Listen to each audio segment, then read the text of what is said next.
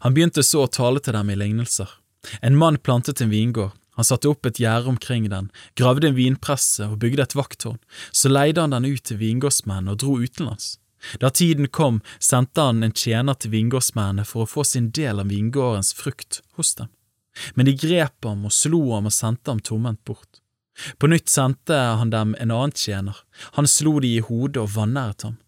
Han sendte også en annen, og ham slo de i hjel. Og slik med mange andre, noen slo de og noen drepte de, nå hadde han bare sin eneste sønn igjen, som han elsket. Ham sendte han til sist til dem idet han sa, De vil nok vise aktelse for min sønn. Men disse vingårdsmennene sa til hverandre, Dette er arvingen, kom, la oss slå ham i hjel, så blir arven vår. Så grep de ham og slo ham i hjel og kastet ham ut av vingården. Hva skal nå vingårdens herre gjøre? Han skal komme og gjøre ende på vingårdsmennene og overlate vingården til andre.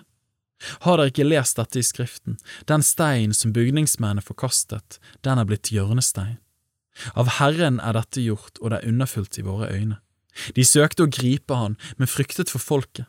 De skjønte nemlig at det var dem han hadde talt om i lignelsen, og de forlot dem og gikk bort. Så sendte de til ham noen av fariseerne og herodianerne for å fange ham med jord.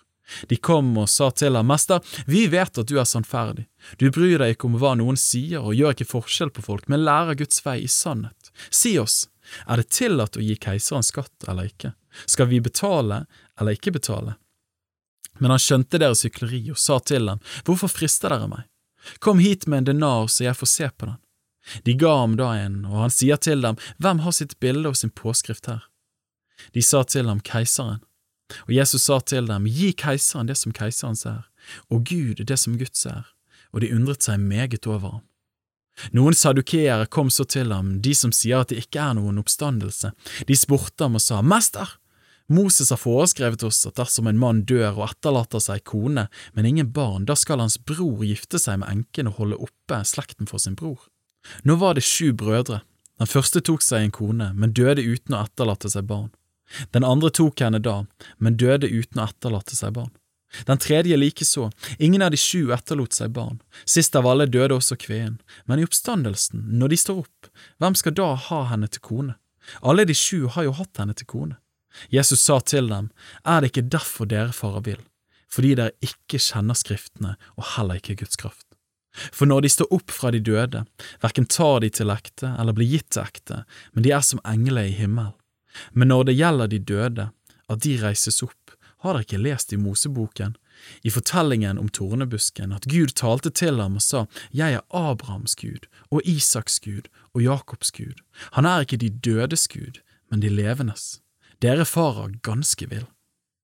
En av de skriftlærde, som hadde hørt på ordskiftet og forsto at Jesus hadde svart dem godt, kom da bort til ham og spurte, Hva er det første av alle budene? Jesus svarte, Dette er det første av alle budene, hør, Israel, Herren vår Gud, Herren er én, og du skal elske Herren din Gud av hele ditt hjerte og av hele din sjel og av all din fornuft og av all din makt. Dette er det første budet.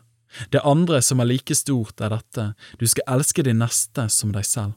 Det finnes ikke noe annet bud som er større enn disse.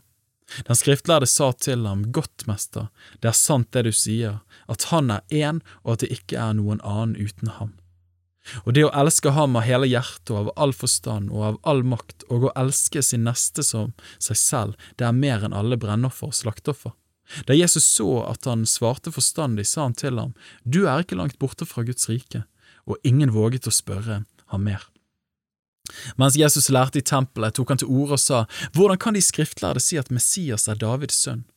David har jo selv sagt i Den hellige ånd, Herren sa til min Herre, sett deg ved min høyre hånd til jeg har forlagt dine fiender til skammel for dine føtter. David selv kaller ham altså Herre.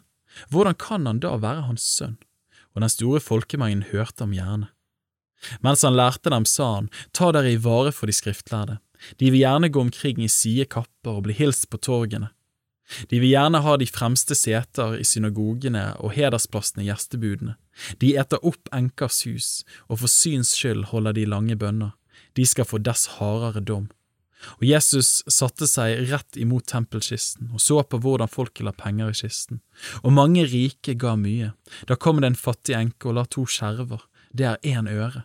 Og han kalte til seg disiplene sine og sa til dem, sannelig sier jeg dere, denne fattige enken har gitt mer enn alle de andre som la i tempelkisten.